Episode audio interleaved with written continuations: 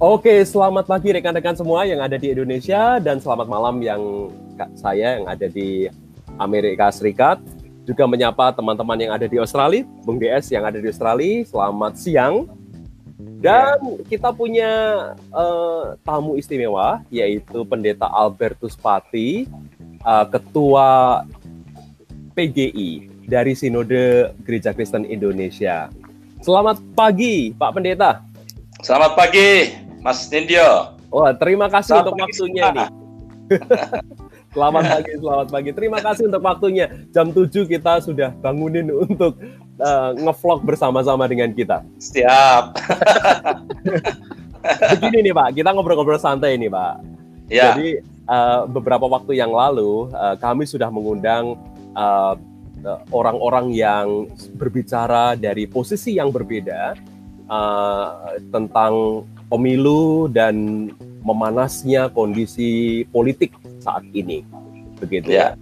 Nah, sekarang juga uh, kami ingin mendengar posisi yang berbeda dari uh, PGI Persekutuan Gereja-Gereja Indonesia, khususnya karena PGI MPH PGI telah mengeluarkan uh, pesan uh, pastoral untuk pemilu 17 April 2019. Nah, ya. Kami ingin uh, pertama-tama ini Pak bertanya, ya.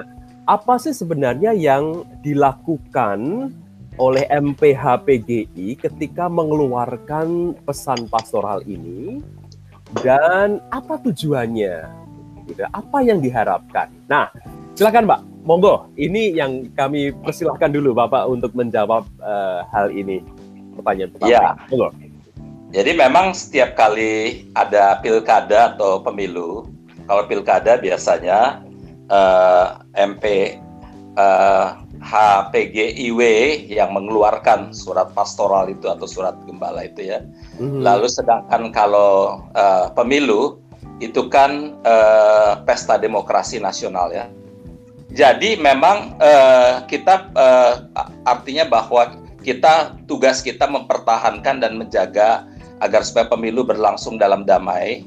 Uh, itulah sebabnya dan pemilu sendiri tetap berlangsung sebagai sebuah pesta demokrasi karena kita menghindari terjadinya uh, apa namanya kita terjebak dalam satu negara yang otoriter totaliter kita juga tidak mau bangsa ini terjebak di dalam uh, sebagai sebuah negara yang uh, yang teokrasi Hmm. Uh, itulah sebabnya itu tanggung jawab bersama kita untuk mempertahankan dan menjaga demokrasi kita warga sebagai warga negara Indonesia. Itulah sebabnya kita himbau dalam surat pastoral itu supaya kita ikut mendoakan pemilu berjalan dengan baik.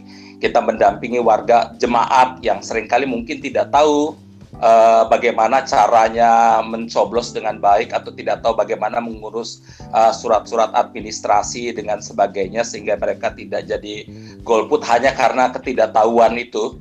Uh, lalu kemudian menyadarkan juga supaya mereka jangan ini kan lagi hari libur nanti nih.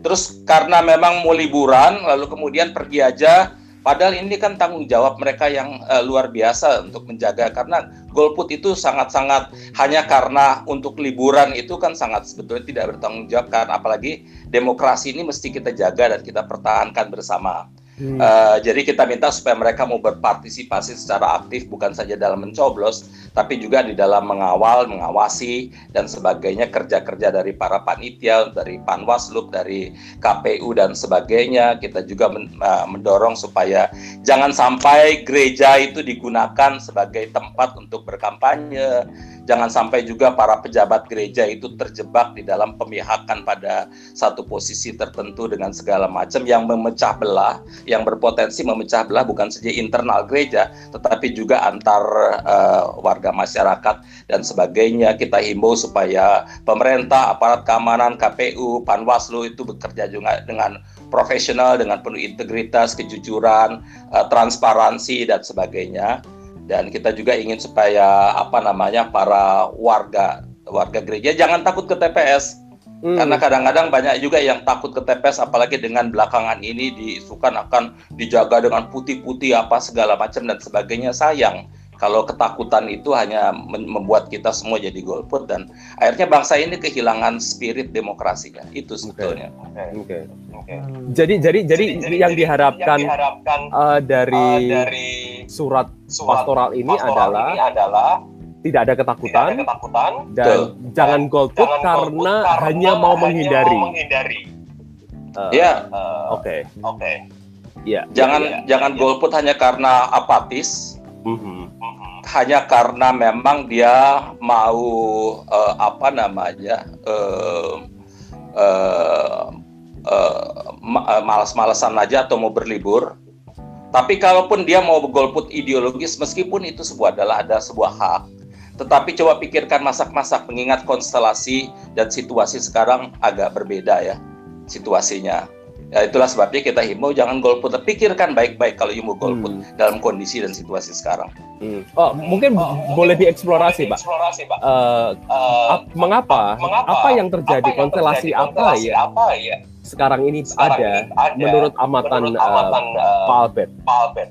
Kita kan sekarang hidup di dalam satu situasi di mana ada kelompok-kelompok yang sangat bernafsu ingin menyatukan politik dan agama Hmm. dan efeknya akan menciptakan teokrasi dan kelompok ini makin hari makin kuat.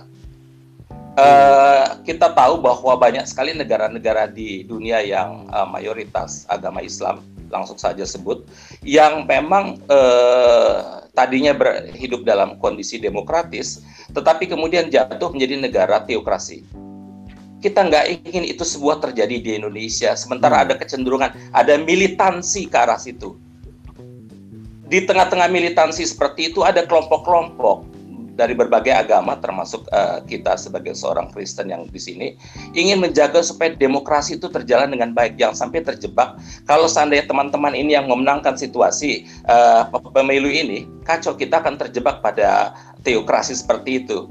Nah, pada saat-saat pertarungan ideologi seperti ini, ada kelompok yang berpikir enggak, dua-duanya enggak beres uh, kita ingin apa namanya uh, golput saja karena yang uh, apa namanya pemerintah sekarang pun tidak beres. Ya memang ada banyak kelemahan di situ. Hmm. Tetapi ini pertarungannya bukan pada persoalan personal yang tidak beres. Ini hmm. persoalan menyangkut di belakang situ ada ideologi pertarungan ideologi yang yang luar biasa kan gitu. Utopis sekali, ilusi sekali kalau Anda berpikir bahwa nanti ketika diangkat you akan berharap memiliki pemerintah yang beres yang oke okay 100%, ilusi. Hmm. Jadi dan banyak orang yang mengambil sikap golput karena terjebak dalam ilusi seperti itu. Ilusi juga di dalam konteks berpikir bahwa ada personal yang ngaco, yang kacau balau. Ilusi bahwa kita sekarang hidup dalam sebuah negara otoriter, totaliter. Ini sangat ilusif sekali kan gitu ya dan kita ingin katakan janganlah berpikir ilusif seperti itu. Itu hakmu sebagai golput. Tetapi coba pikirkan masak-masak dan matang.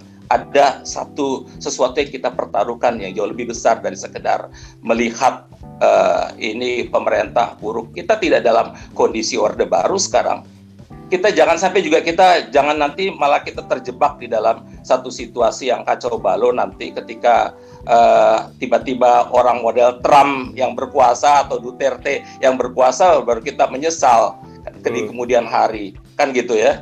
Jadi cobalah pikirkan masak-masak itu sebetulnya imbauannya. Nah, tetap dengan menghormati sikap golput satu lagi pak Satu lagi, uh, ya. ini ini tadi misalnya ini, tadi Trump, Trump terus kemudian, kemudian uh, Duterte yang disebut yang gitu. Disebut, gitu. tapi ya. bukankah dalam kondisi, dalam seperti, kondisi itu, seperti itu panggilan gereja panggilan malah jelas untuk jelas berkata untuk tidak berkata tidak jadi justru lebih Jadi gampang, buat gereja, untuk berkata, berkata atau melawan, seperti itu ketimbang, ketimbang uh, pemerintah, uh, yang, mungkin yang mungkin secara, secara kasat mata kasat mungkin baik-baik saja, tetapi di bawah tidak beres tidak juga. Beres juga. Itu ya. justru susah untuk posisi gereja. Yang pertama agak susah menyamakan orang model Trump dengan Jokowi. kan gitu, nggak bisa yuk mempersamakan tra Duterte dengan orang seperti Jokowi yang jujur, yang yang apa namanya habis-habisan bekerja dengan itu. Kedua, kalau you harus memilih, ya uh, Trump itu menyatukan agama dengan dengan dengan dengan politik sekaligus sebetulnya. Belum, lagi dengan white supremacy. Tetapi uh, Duterte uh, mungkin tidak ja, tidak ja, terjebak pada hal yang seperti itu yang terlalu jauh seperti itu. Tetapi kalau harus memilih ya, kita harus berhadapan dengan otoriter sekuler atau otoriter agama. Kita jauh lebih mudah berhadapan dengan otoriter sekuler daripada otoriter yang agama. Hmm. Udah mustahil untuk menghancurkan itu. Tapi juga kita lebih lebih mudah pertama kalau ada pilihan anarkisme dengan otoriter, kita akan memilih yang otoriter. Itu kata Reinhold Niebuhr. Hmm. Lebih mudah kita lebih baik pemerintah ditangani oleh pemerintah yang otoriter lebih terjaga uh, daripada dengan yang anarkisme di mana tidak ada lagi siapa penguasa, pengusaha, uh, penguasanya. Tetapi yang kedua adalah kalau suruh memilih antara yang otoriter agama dengan otoriter uh, sekuler, lebih mudah menghadapi otoriter sekuler daripada otoriter agama. Hmm. Pilihan-pilihan ini kan yang harus kita pikirkan masak-masak dan matang. Itu kira-kira. Oh, Oke, okay. oh, okay. ya terima kasih. Ya, terima Itu dulu dari saya, Pak. Nanti saya Pak. punya pertanyaan, pertanyaan yang boleh ini hermeneutik uh, exegetikal. Tapi saya berikan okay. kepada teman dua teman saya ini. Monggo silakan BS atau Adi. Bang DS dulu, Bang DS. I iya Pak, saya mungkin saya mungkin mau eh, teman-teman yang lain ya. Boleh boleh.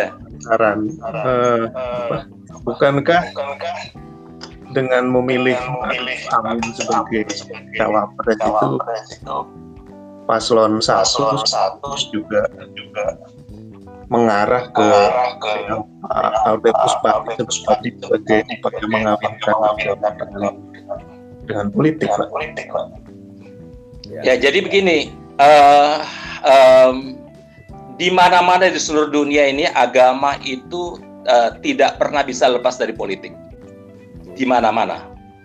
Tetapi eh, tergantung agama itu dipakai untuk menindas atau agama digunakan untuk eh, apa namanya untuk kesejahteraan semua ya kebaikan semua. Pemilihan terhadap eh, tapi saya ingin jelaskan saya bukan tim kampanye 01 ya. Ini saya memberitahu karena ada pertanyaan ini, saya memberitahu apa yang saya tahu. Ya. Ya. Walaupun Nanti dikiranya saya ini ya, lagi. Ya. Walaupun tadi arahnya sudah agak-agak ke mana gitu ya. Ya enggak, kadang-kadang memang uh, perlu pemihakan juga. Iya. enggak, tetapi begini artinya bahwa kalau kita ini saya cuma ingin mengatakan bahwa uh, tadi kan karena bilang Trump atau apa kan justru pertanyaannya udah mengarah-mengarah juga. Saya juga justru ingin mengatakan jangan samakan kan kita belum tahu apa lawannya kan kita belum tahu kan. Tetapi kalau yang kita tahu kan yang sekarang ini jadi kan agak tekabur kalau menyamakan yang sekarang ini dengan model Trump, Duterte. Kok kayaknya jauh banget gitu lah ya. Kan gitu. Pertanyaannya saja yang ngarahin sebetulnya, bukan jawabannya. ah, jadi uh, balik ke pertanyaan tadi, itu pemilihan yang itu justru karena uh, ketakutan dari apa namanya ke ini upaya untuk menghindari jangan sampai kelompok konservatif itu justru bergabung dengan kelompok radikal Jangan gitu ya, agak beda antara konservatif dengan yang radikal-radikal yang bisa dengan ini dan sebagainya. Kedua adalah uh, uh, apa uh, Kiai Ma'ruf itu kan orang NU dan dia biar gimana juga ada di dalam uh, struk apa namanya kultur NU yang memang punya punya ke keinginan untuk membangun Indonesia berdasarkan keanekaragaman itu uh, penghormatan terhadap uh, keragaman karena itu dia ciptakan Islam Nusantara. Dan memang belakangan ini uh, dari teman-teman uh, aktivis-aktivis NU maupun Islam juga mengatakan sedang memang terjadi transformasi kultural sebetulnya ideologis dari apa uh, seorang uh, Kiai Ma'ruf Amin yang tadinya berpikir di dalam lingkup hanya untuk kepentingan uh, Islam saja, sekarang mulai berpikir karena tuntutan sebagai uh, calon wakil presiden atau nanti wak, uh, wakil presiden kalau menang ya, dia harus berpikir dalam uh, beyond kelompoknya ya, primordialis uh, etiknya itu ya. Nah, jadi itu yang sedang terjadi. Jadi oleh karena itu kita melihat ada situasi tentu saja ada ada juga eh, pertimbangan-pertimbangan uh, politik lain yang uh, bukan pertimbangan agama tapi pertimbangan politik sebetulnya yang justru muncul dari partai-partai politik nasional. Hmm. kan gitu ya. Sehingga memang yang uh, saya pikir nggak usah diuraikan di sini nanti ini kan lagi pemilu nanti apa namanya kena ke apa orang-orang tertentu kan begitu ya. Tapi bukan pertimbangan agama terutama eh, pertama pertimbangan agama itu tadi. Jangan sampai terjadi proses uh, penyatuan antara konservatisme dengan uh, kelompok radikalisme Radikal. yang men uh, menginginkan uh, kayak teokrasi. Kayaknya Kiai Maruf Amin nggak sampai sejauh itu juga deh. Kan di dalam spirit NU-nya nggak sampai sejauh itu. Betul dia konservatif ya.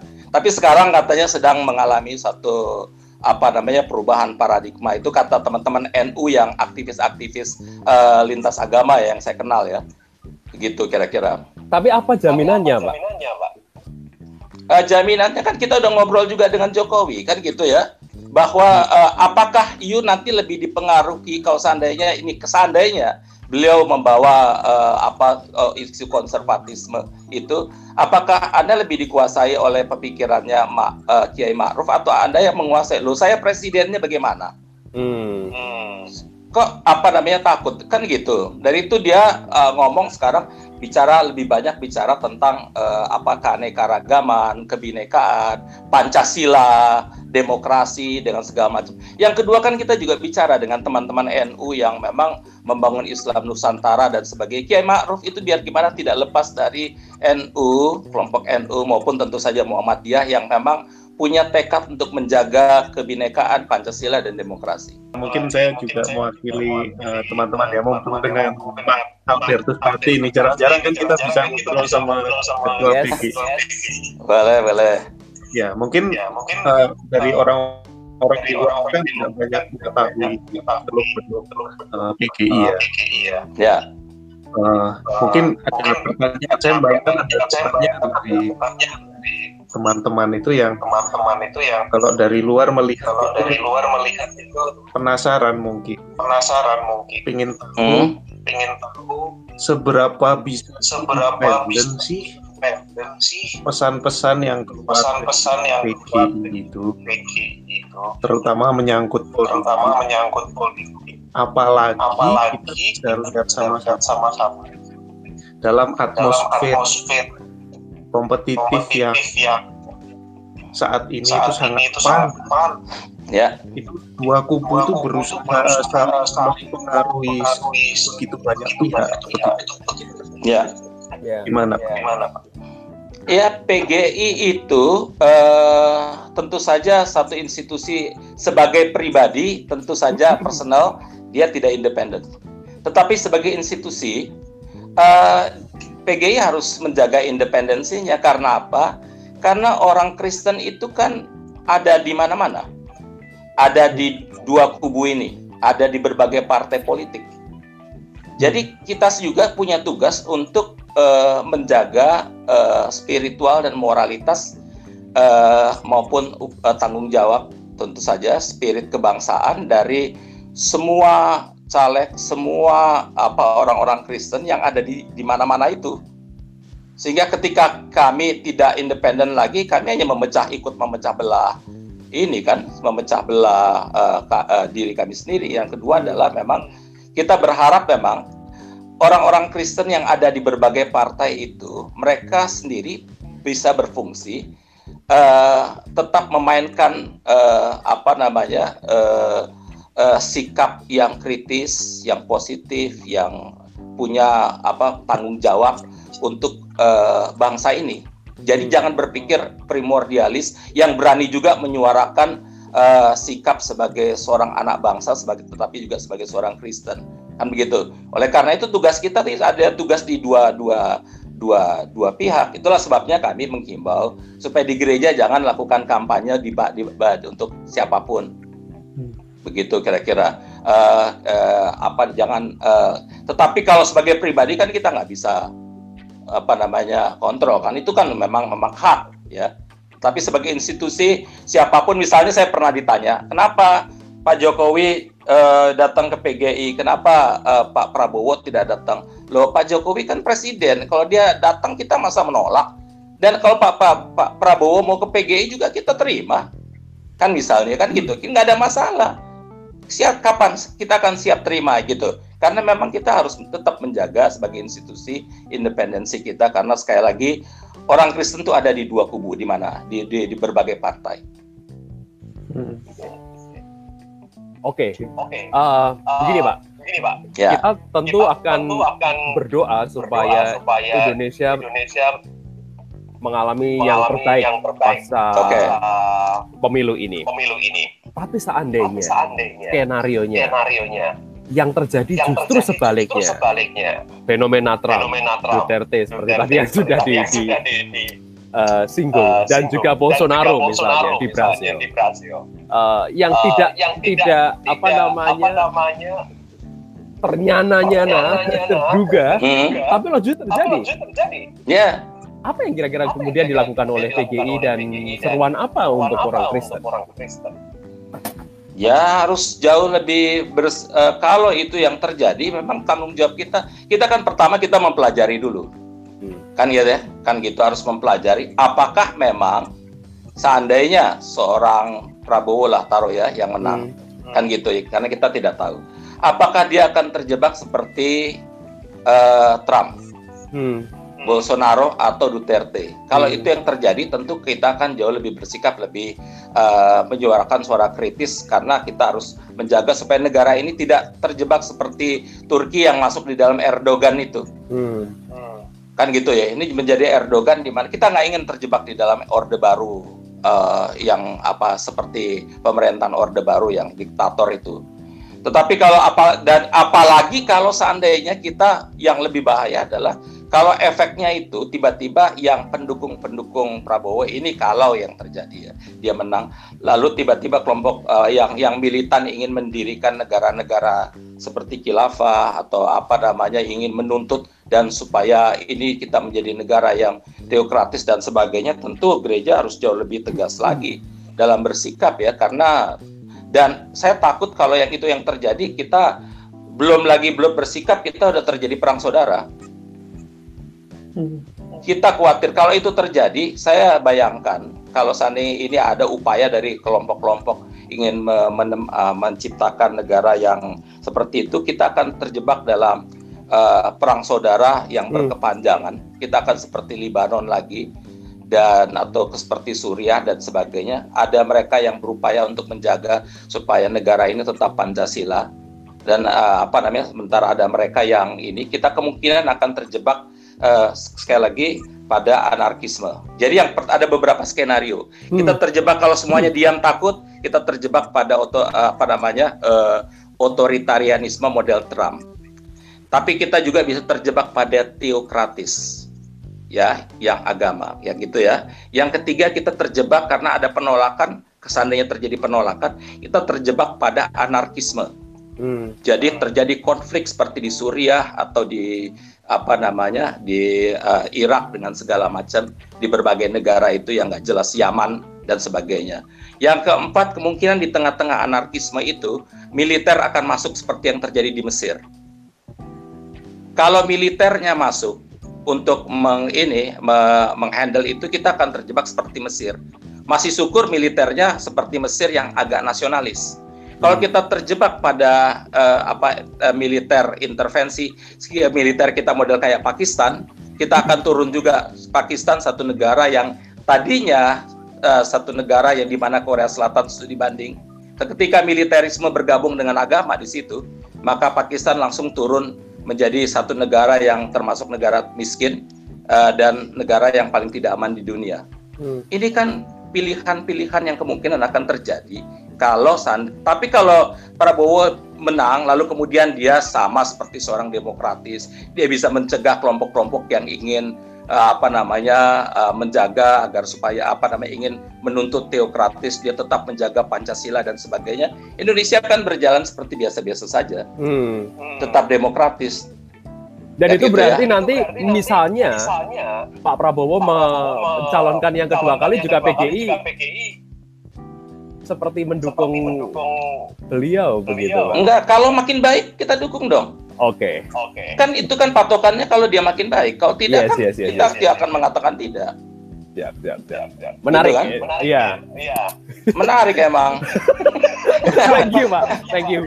Nah, ini ini ini yang yang saya ingin coba me, uh, melihat melihat secara secara posisi yang berbeda nih, Pak. Berbeda nih, Pak. Oke. Okay. Uh, ayat yang dipakai, ayat yang dipakai dalam surat dalam surat penggembalaan ini, penggembalaan ini yang pertama yang, yang dipakai yang adalah, adalah Yeremia 29 ayat 7. Ya.